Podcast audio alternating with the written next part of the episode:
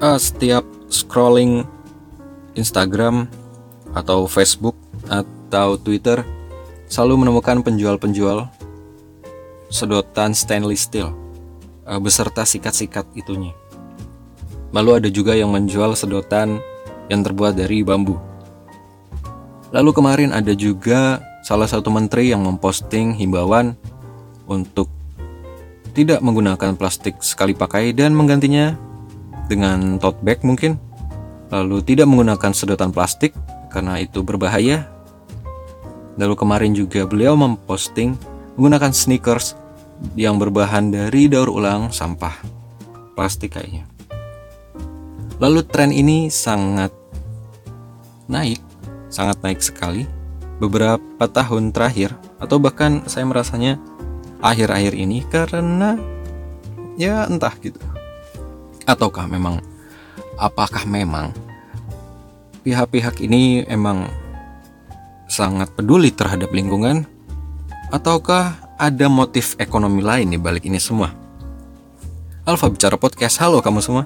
Berjumpa lagi dengan saya di hari ini. Apa kabar kamu? Apakah baik-baik saja atau tidak? Ya semoga baik-baik saja. Seperti yang saya buka tadi bahwa Sekarang sebenarnya bukan sekarang sih beberapa tahun terakhir. Mungkin dua atau mungkin jauh sebelum itu isu-isu plastik.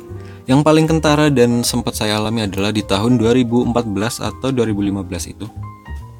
Di waktu berbelanja di salah satu swalayan atau pasar modern kita diber, e, dikenakan 200 rupiah untuk membayar kantong plastik. Seiring berjalannya waktu dari hari ke hari, tahun ke tahun, Lalu kebijakan itu entah memuai, entah lalu hilang dan sekarang gratis lagi hingga saat ini. Dan sebenarnya isu pengelolaan sampah ini bukan isu yang baru tapi sudah sangat lama dan sudah sangat apa namanya? sangat pelik mungkin. Kemarin juga ada isu kontainer yang berisikan sampah atau buangan sampah dari negara lain yang dikirimkan ke Indonesia. Entah siapa atau apa yang bermain dalam hal ini kita nggak tahu karena saya belum mengulik infonya lebih jauh juga. Lalu sebenarnya bagaimana cara kita untuk atau gimana sih caranya buat mengelola sampah ya yang di lini paling dasar dulu lah diri sendiri dulu dalam mengelola sampah. Kita nggak bisa menghindari atau memungkiri sampah-sampah, eh bukan sampah, plastik-plastik yang berada di sekitar kita. Mulai dari bungkus makanan, mie saset gitu, eh, beli makanan atau jajanan di pinggir jalan, di abang-abang ini tukang cilok atau tukang somai, tukang es, beli pengharum ruangan, pengharum mobil yang ada bungkus plastiknya, lalu ponsel juga ada plastiknya, lalu mobil juga ada plastiknya, motor juga ada, di mana-mana ada plastik. Tapi setahu saya ya, saya nggak belum mengulik terlalu jauh, tapi memang ada sampah atau jenis plastik yang bisa didaur ulang atau di recycle lagi, ada juga yang tidak. Eh, waktu membuka saya bilang penggunaan atau penerapan aturan kantong plastik itu dikenakan 200 rupiah di pasar modern atau di salah satu swalayan itu tadi saya baca artikel dari Mongabay bahwa mereka beropini bahwa kebijakan di tahun itu di tahun 2014 itu cukup dinilai merugikan konsumen. Karena sebenarnya ketika konsumen mau membeli suatu barang yang ada di sana sebenarnya harga yang tertera di sana itu sudah include dari kantong plastik atau wadah yang akan disertakan. Jadi ketika peraturan itu berlaku, konsumen diharuskan membayar dua kali. Lalu uang dari penjualan kantong kresek yang itu tadi, yang tambahan itu, itu tidak jelas muaranya atau siapa yang mengelola. Karena mungkin menurut mereka ya, saya lupa-lupa ingat ketidakjelasan dalam pengelolaan siapa yang mengelola uangnya mengalir ke mana lalu tidak diperkuat dengan perundang-undangan atau aturan daerah sehingga sampai sekarang tidak berjalan. Dari tahun 2014 mungkin 2015 terus 2016 sudah kayaknya udah nggak berlaku deh. Kayaknya satu tahun doang. Karena saya cuma mengalami hal itu cuma beberapa bulan setengah setengah tahun atau malah satu tahun mungkin atau nggak lama pokoknya rasanya.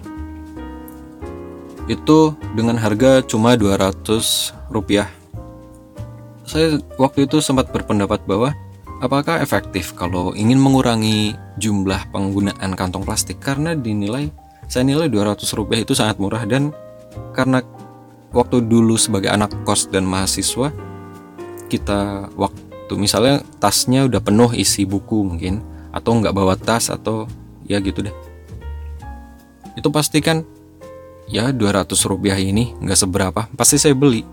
Jadi menurut saya yang diperkuat dari artikel yang saya baca dari mau ngebay juga ada opsi inilah pendapat pendapat bahwa emang 200 rupiah itu tidak membuat konsumen merubah daya atau pola konsumsinya jadi tidak signifikan dalam kalau memang diniatkan untuk mengurangi dari peredaran jumlah sampah plastik lalu saya akan ya memberikan beberapa fakta tentang plastik. Warga Amerika membuang 175 juta sedotan setiap hari, sedotan plastik. Sementara di Inggris, rata-rata 3,5 juta sampah sedotan plastik dihasilkan dari pelanggan McD saja. Cuma pelanggan McD, segitu. Lalu dalam catatan EcoWatch, selama ini hanya 5% produksi plastik yang bisa didaur ulang. Dan 500 miliar atau 1 juta kantong plastik per menit dihasilkan atau dikonsumsi oleh manusia per tahun. Plastik bekas juga menyumbang 60-80% dari total sampah di laut. Sedotan plastik selalu masuk dalam 10 besar sampah yang mencemari lautan. Lalu ini ada dari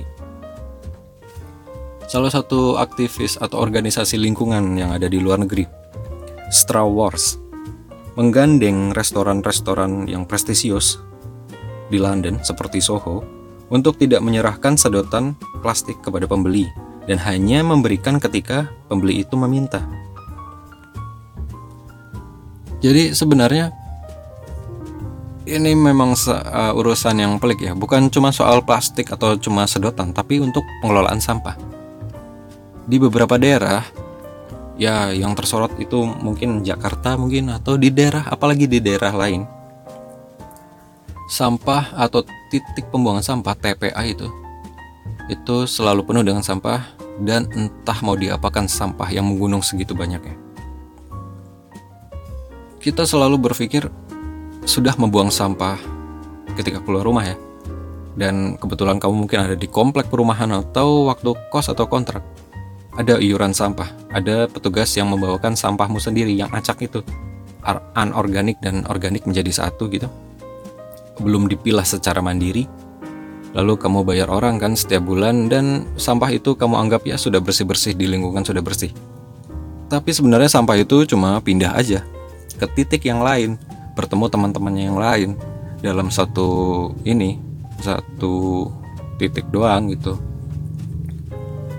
Dan kasihan banget sih spot itu tempat tempat buat sampah itu maksudnya. Bukan sampahnya yang kasihan maksudnya makhluk hidup yang tinggal di titik tersebut di tempat tersebut. Kalian cuma pindah doang sampahnya dan kepedulian atau edukasi tentang pemilahan sampah organik dan anorganik ini mungkin kurang efektif atau mungkin juga karena tingkat kepedulian masyarakat sekitar belum sampai buat ke sana. Karena tingkat pemahaman dan kepedulian orang-orang kan beda-beda. Jadi tidak bisa dipaksakan, harus emang pelan-pelan dan emang harus masif. Tadi aturan kantong kresek seharga 200 rupiah itu cuma berlaku di pasar modern atau swalayan. Sedangkan menurut artikel yang saya baca, 70% penyumbang plastik yang tidak bisa didaur ulang itu bersumber dari pasar tradisional. Sedangkan 30% itu cuma dari pasar modern. Maksudnya pasar modern itu cuma menyumbang 30% dari total semua sampah yang ada. Jadi mungkin kalau memang harus diberlakukan atau mau menyerang titik yang tepat guna atau tepat sasaran, mungkin diberlakukannya ke pas yang menyumbang lebih banyak tentunya kan? Karena ada 70%. Dan di sana segmentasinya adalah masyarakat kalangan menengah ke bawah. Yang kita tahu ya seperti itulah. Kalau saya hidup di desa, pengelolaan sampah dilakukan secara mandiri. Masing-masing orang di sini punya tempat untuk atau lahan untuk membuang sampah dengan cara yang sangat tradisional dan sebenarnya sudah dilarang, yaitu membakar. Tapi mau gimana lagi? Mau dibuang ke mana? Kalau saya mau bercerita sedikit, kemarin ada isu-isu di Kabupaten Banyumas tentang isu TPA ini. Ada beberapa kontainer atau truk berisi sampah yang teronggok di suatu wilayah karena tidak bisa dikeluarkan dari kontainer itu atau truk itu sampahnya karena warga sekitar menolak untuk dijadikan tempat pembuangan akhir sampah. Pemerintah juga sepertinya um, kekurangan ide atau mungkin tidak concern ke masalah lingkungan hidup ini. Let me tell you something. Aturan sampah plastik PP nomor 81 tahun 2012. Yang pertama, mulai tahun 2013, seluruh pemerintah kabupaten atau daerah harus mengubah sistem open dumping. Yang kedua, kalangan dunia usaha, dalam hal ini produsen, importir, distributor, dan retail bersama pemerintah harus segera merealisasikan penerapan Extended Producer Responsibility atau EPR. Kemudian yang ketiga, kawasan pemukiman, industri, komersial, khusus, umum, dan sosial harus memilah, mengumpulkan, dan mengelola sampah masing-masing di kawasan. Secara mandiri, saya nangkapnya seperti itu. Jadi kita dipasrahkan untuk mengelola sampah masing-masing. Karena di sana juga tidak jelas kita harus seperti apa. Mengelola sampahnya seperti apa. Kampanye anorganik dan organik ini mungkin bisa disederhanakan saja kalau misalnya sasaran kita adalah masyarakat menengah ke bawah. Mungkin ditulis ini sampah plastik bukan plastik itu. Pakai bahasa Indonesia atau bahasa lokal yang mudah dimengerti Lalu apa gunanya misalnya sudah dipilah dan ternyata digabungin lagi jadi satu di TPS? Kecuali waktu itu saya pernah ke bank sampah yang ada di Jogja, salah satu yang menerima penghargaan sebagai bank sampah terbaik mungkin secara nasional, saya lupa. Itu memang konsepnya adalah bank sampah. Jadi setiap warga itu nanti setor berupa tabungan berupa sampah yang nanti akan dijual ke pengepul dan mereka mengedukasi warga sekitar, lingkupnya adalah satu RT. Memilah sampah plastik dan bukan plastik. Yang plastik ini dijual, ada sebagian juga dibuat kerajinan tangan. Lalu yang bukan plastik ini apabila bisa didaur ulang, ada itu kulit buah-buahan atau daun atau apa itu dijadikan pupuk.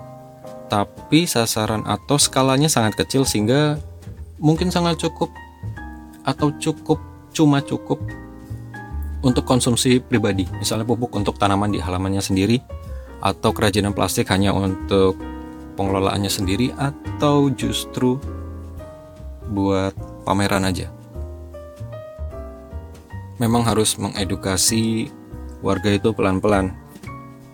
Kalau saya lihat-lihat, peningkatan sampah plastik di Indonesia ini karena pola konsumsi masyarakat berasal dari kemasan makanan, minuman, kantong belanja. Masih dari web yang sama di artikel yang saya baca dari Mongabay, ada beberapa opsi dari mereka atau pendapat ya. Yaitu yang pertama mewajibkan produsen biji plastik untuk menambahkan zat aditif dalam produksi sehingga menghasilkan plastik yang ramah lingkungan.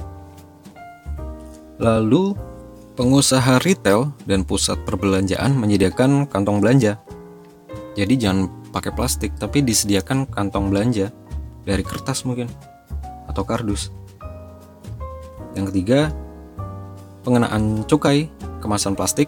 Lalu yang keempat, menaikkan harga kantong plastik yang signifikan di pasar modern untuk mengubah perilaku masyarakat. Saya berpendapat sih memang kalau memang sangat concern untuk mengurangi timbulan baru atau lahirnya baru plastik-plastik yang akan menjadi sampah ini ya di stop produksinya. Di stop 100% mungkin tidak bisa. Mungkin harus pelan-pelan. Sambil cari uh, bahan alternatif yang lebih ramah lingkungan.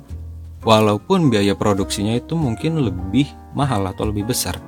Tapi kalau tidak dipaksa, bagaimana?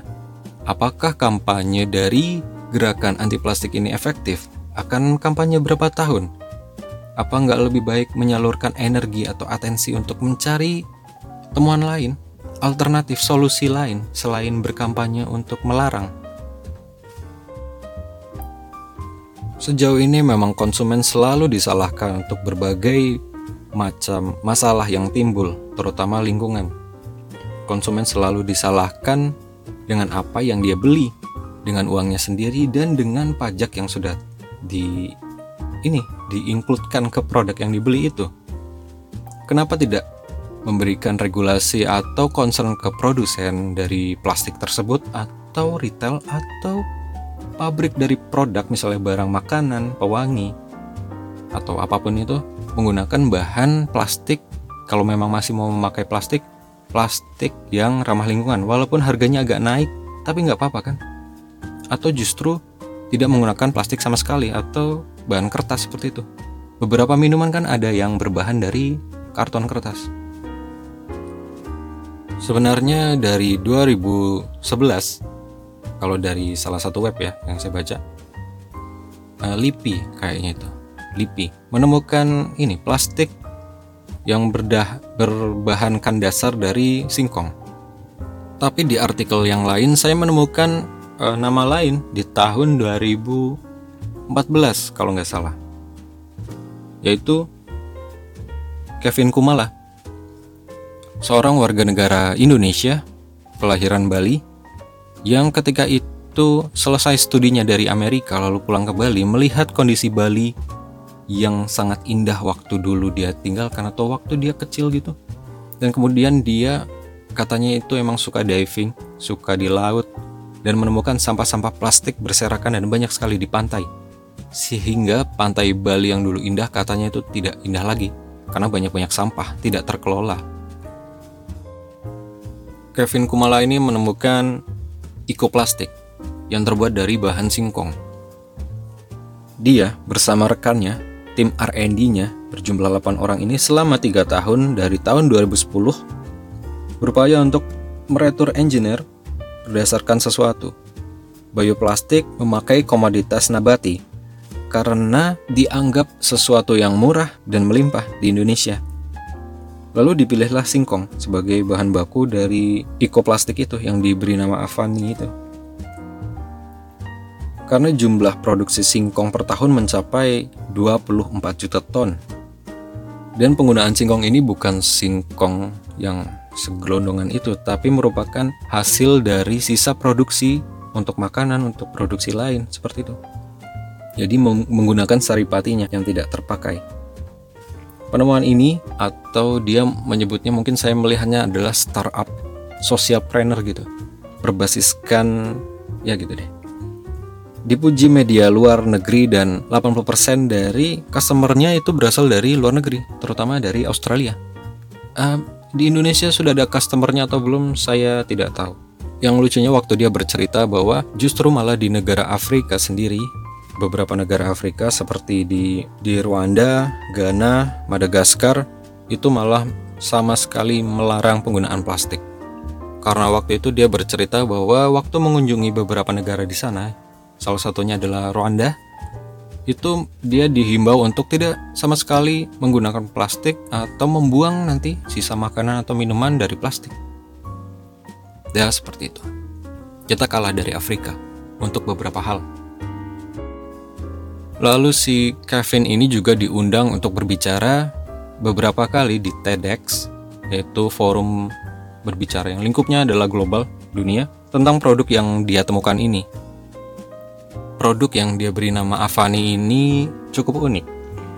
Waktu dia berbicara di sana, membicarakan panjang lebar tentang produknya, dia juga sambil mempresentasikan bahwa kantong plastik yang terbuat dari singkong ini juga bisa larut ke dalam air, yaitu waktu dia mencontohkan di air panas atau hangat, dia memasukkan beberapa sobekan plastik, sobekan plastik dari Avani ini, eco bag ini ke dalam air hangat lalu diaduk dan tidak lama kemudian sudah membaur atau bercampur dengan air itu jadi air yang agak hijau dan dia berani meminumnya.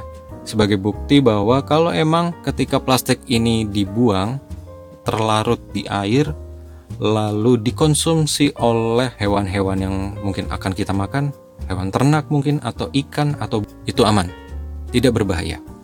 Tidak seperti plastik yang biasa kita temukan saat berbelanja di pasar tradisional atau ya gitu. Kalau di beberapa toko sih di Alfamart atau Indomaret itu ada label plastik yang plastik mudah hancur gitu. Tapi saya menemukan fakta lagi bahwa plastik yang mudah hancur itu um, dalam hitungan berapa ya tahun ya dua tahun itu hancur. Tapi dalam prosesnya zat-zat yang terkandung dalam plastik itu juga bisa membaur ke makhluk hidup lain yang ada di sana, misalnya tanaman, tanah, air yang dikonsumsi hewan, mungkin juga pergi ke laut, dan zat-zatnya juga diserap oleh mereka, hewan-hewan itu, ikan-ikan mungkin. Lalu ikannya kita konsumsi. Beberapa isu yang saya baca juga ada kandungan plastik di dalam daging ikan atau daging beberapa hewan yang dikonsumsi oleh manusia. Dan itu bisa menyebabkan penyakit.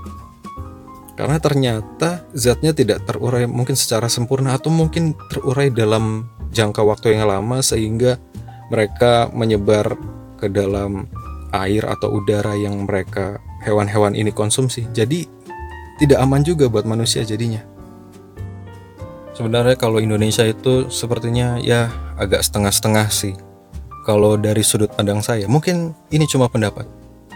Bisa benar, bisa juga enggak. Sebenarnya penemu dari Indonesia atau yang memikirkan, ilmuwan yang memikirkan sumber energi alternatif atau produk-produk alternatif untuk yang pro terhadap kelestarian lingkungan hidup itu sebenarnya sudah banyak dan beberapa mungkin sudah menemukan atau menelurkan solusi produk real. Tapi sepertinya regulasinya tidak terlalu mendukung atau penyebaran produk itu tidak terlalu masif sehingga tidak berdampak besar gitu. Ya seperti energi alternatif. Hmm, mungkin waktu itu apa ya? Bahan bakar dari bahan apa gitu saya lupa. Lalu ada juga pemanfaatan energi matahari untuk listrik. Lalu ini kantong plastik uh, Avani ini produknya dari Kevin ini bukan cuma terfokus di kantong plastik aja, tapi dia juga bisa berbentuk sedotan, lalu berbentuk semacam tempat makanan seperti styrofoam gitu. Itu juga bisa. Dan kenapa tidak dimasifkan saja penggunaan yang seperti ini? Atau apa ya diberi diwajibkan gitu pemerintah. Karena memang mungkin merasa sudah harus concern ke bidang ini lingkungan hidup. Jadi yang seperti ini mungkin harus diiniin diinin aja. Setiap uh, industri atau retail yang menggunakan plastik harus menggunakan teknologi ini. Kalau tidak didenda gitu. Jangan konsumennya terus yang harus ditahan. Karena sebagai konsumen yang sering berbelanja di pasar tradisional atau warung-warung kecil gitu, masyarakat menengah ke bawah itu tidak bisa menghindari hal itu. Mereka mau mengurangi tapi mengganti dengan yang lain budgetnya juga sedikit. Kenapa tidak ini aja memberikan regulasi yang bagus aja ditekankan ke kepada produsennya gitu atau pemerintah mungkin eh, daripada membuang konsentrasi atau uang di kampanye melarang itu I think terutama untuk sedotan plastik akhir-akhir ini memang sangat jadi apa ya namanya itu naik banget. Kayak yang tadi saya bilang sudah diangkat oleh Bu Susi. Lalu penjual-penjual sedotan aluminium atau stainless atau bambu itu juga banyak banget sekarang di sosial media di berbagai toko online. Tapi apakah memang peduli? Mereka itu peduli dengan lingkungan. Menggunakan misalnya um, mungkin itu sedotan plastik mungkin juga ada yang pakai tumbler. Bisa nggak saya beli Coca-Cola pakai tumbler tanpa beli yang kalengan atau plastik? Bisa nggak saya beli maison pakai tumbler gitu? Nggak bisa. Ini kenapa kita sebagai konsumen yang harus dibatasi atau dilarang? Sedangkan kalau misalnya tidak ada produksi plastik lagi atau produsen tidak mengeluarkan produk dengan berbungkus plastik kita mau nggak mau juga bakalan beli karena inti dari membeli produknya kan ini isi dari produknya di dalam bungkusnya bukan bungkusnya. Jadi harusnya ya mereka aja masa kita? Menurutku seperti itu sih. Bukan mengecilkan penjual-penjual aksesoris sedotan atau tumbler atau apa ya. Saya juga sih suka bawa botol minuman yang biasanya diisi custom. Maksudnya saya bikin minuman sendiri tapi ketika mau beli soda sprite atau apa ya susu apa gitu susu yang kalengan itu kan nggak bisa. Nggak bisa refill maksudnya. Pasti beli sama bungkusnya. Mind blowing banget sih. Kalau sebenarnya anak bangsa kita sendiri sudah menemukan salah satu alternatif solusi dari kantong plastik ini yaitu dari singkong. Selain bisa mengurangi jumlah penyebaran plastik yang berbahaya itu yang susah didaur ulang juga bisa menimbat, e, meningkatkan nilai jual atau nilai ekonomis dari singkong itu. Jadi petani-petani singkong kita bahagia, jadi kaya karena mau nggak mau kan emang harus produksi singkong terus dan harganya pasti akan naik. Ya gitu sih menurut saya. Ironis banget kalau sampai temuan ini, teknologi ini, inovasi ini tidak dipakai di negara sendiri, bahkan malah dipakai di negara lain.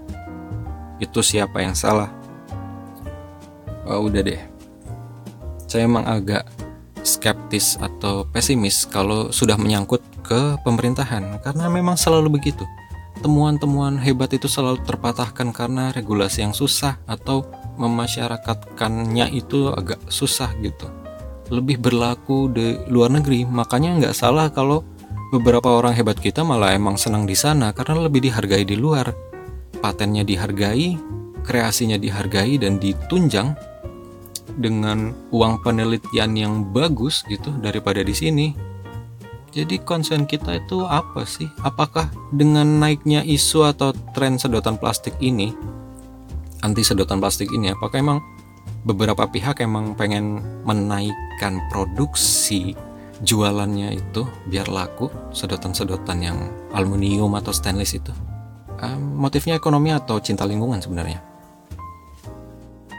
Tapi berpendapat boleh dong, sedikit kontra boleh dong untuk melihat sesuatu dari sudut pandang lain dan mungkin lebih besar. Bukan saya mengecilkan yang kampanye anti sedotan plastik atau plastik sekali pakai. Saya juga nggak pakai sedotan karena biasanya saya minum langsung dari wadahnya. Kalau olahraga juga saya pakai tumbler. Saya di Alfamart Indomaret juga nggak pernah ini nggak pernah mau buat mau pakai plastik nggak mas gitu. Saya selalu jawab enggak gitu saya juga melakukan hal itu walaupun tidak mengkampanyekannya, tapi saya punya pendapat lain kenapa harus konsumen terus yang disusahkan atau dirugikan gitu. Kalau misalnya memang mau menerapkan memberikan bandrol harga kantong plastik kepada konsumen, mungkin dibuat efek jerah. Mungkin satu kantong itu 50 ribu. Kalau 200 rupiah itu sangat murah sih, saya nggak bakal mikir sih pakai kantong nggak mas? 200 rupiah, ya pakai aja, cuma 200 tapi kalau misalnya kantongnya 50 ribu mas gimana? Ya udah nggak usah gitu. Karena mahal 50 ribu itu. Gimana? Apalagi sasarannya peraturan yang kemarin itu dari di tahun 2014 adalah pasar modern dan swalayan ini yang bisa dibilang konsumennya itu menengah ke atas. Ya kaum bawah juga ada sih emang terjangkau tapi lebih ke modern. Yang sebenarnya cuma 30% menyumbang dari sampah plastik total sampah plastik. Dan 70% sebenarnya ada di pasar tradisional yang isinya ibu-ibu, bapak-bapak, mas-mas yang jualan itulah. Ya karena emang perputaran apa ya uangnya tiap pagi kan tiap hari itu muter terus di situ uh, beli-beli ini dan sam apa plastiknya dipakai terus dipakai terus. Emang plastiknya itu yang hitam itu warna hitam emang kasar dan baunya nggak enak sebenarnya. Sangat pusing sih aku kadang. Ya gitu, kenapa tidak fokus concern di sana aja? Mungkin tidak apa ya?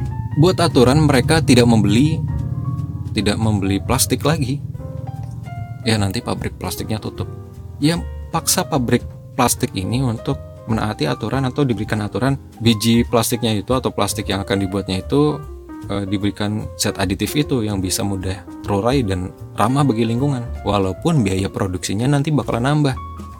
Tapi kalau memang kita concern mau peduli lingkungan itu yang harusnya dijalani kan diambil. Selagi kita mengkampanyekan tidak memakai ini stop ini mungkin di sosial media itu ranahnya adalah anak muda menengah ke atas mungkin ya yang dibilang bisa mampu. Tapi yang di pasar tradisional ibu-ibu mama itu jarang banget liatin yang kayak gitu. Gak punya ponsel pintar gitu. Jadi info atau isu itu nggak nggak nggak kena ke mereka. Karena sebenarnya mereka penyumbang yang lebih besar daripada kita kita yang ini yang terjangkau oleh info ini. Mungkin kita nggak bisa paksakan secara langsung kepada mereka karena lihat situasi mereka mungkin agak susah. Mungkin kita yang harus lebih pro mungkin menekankan ke pemerintahan atau ke pembuat regulasi itu lebih bersuara ke sana. Tolong dong diberikan peraturan yang jelas dan tepat soal pengelolaan sampah, peredaran sampah plastik, uh, ya termasuk sedotan, kaleng, apa itulah karena juga kemarin di kabupaten saya ini juga agak pelik juga.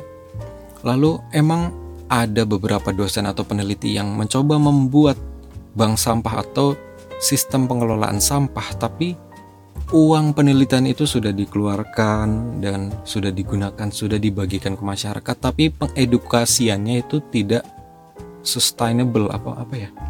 Tidak berkelanjutan. Jadi mereka tidak paham. Akhirnya setelah peneliti ini keluar pindah dari lingkungan itu ya udah kembali ke semula dengan cara membakar plastik atau membakar sampah lagi gitu loh. Jadi emang kalau emang niat emang harus berjuang keras banget bukan cuma bersuara di sosial media tapi juga terutama ya pembuat regulasi itu kita mau bersuara seperti apa pun agak susah sebenarnya. Ya salah satu gubernur juga menyuarakan hal itu tapi kalau menurut saya seorang pengampu kebijakan atau yang bisa dibilang seorang pemimpin itu ya buat kebijakannya gitu. Kita nanti yang bakalan bersuara. Tapi beliaulah yang harus mengakomodir ke produsen plastiknya atau retailnya atau industri makanan minumannya untuk lebih sehat dalam menyebarkan produknya ke konsumen. Ya seperti itu. Mungkin itu salah satu pendapat dari saya. Kalau kamu punya pendapat lain, gimana? silakan berpendapat dan bersuara tapi boleh beda pendapat tapi jangan terlalu menggunakan kata-kata yang kotor nanti kamu kena UU ITE kamu bisa dipenjara. Saya juga agak gimana gitu ya. Tapi ya udah deh. Nggak menyerang siapa-siapa cuma berpendapat aja. Dan itu deh kita nggak ngomongin cinta dulu ya kali ini ya. Mungkin besok kali. Sorry agak telat beberapa hari. Ini sudah weekend. Happy weekend everybody. Jaga kesehatan dan Cerita kamu masih saya tunggu di alfabicarapodcast@gmail.com di email, bisa juga di DM di Twitter, di Instagram, di Facebook juga ada. Dan sampai ketemu lagi di episode selanjutnya. Alfa Bicara Podcast. Signing out. Bye bye. Terima kasih. Mohon maaf.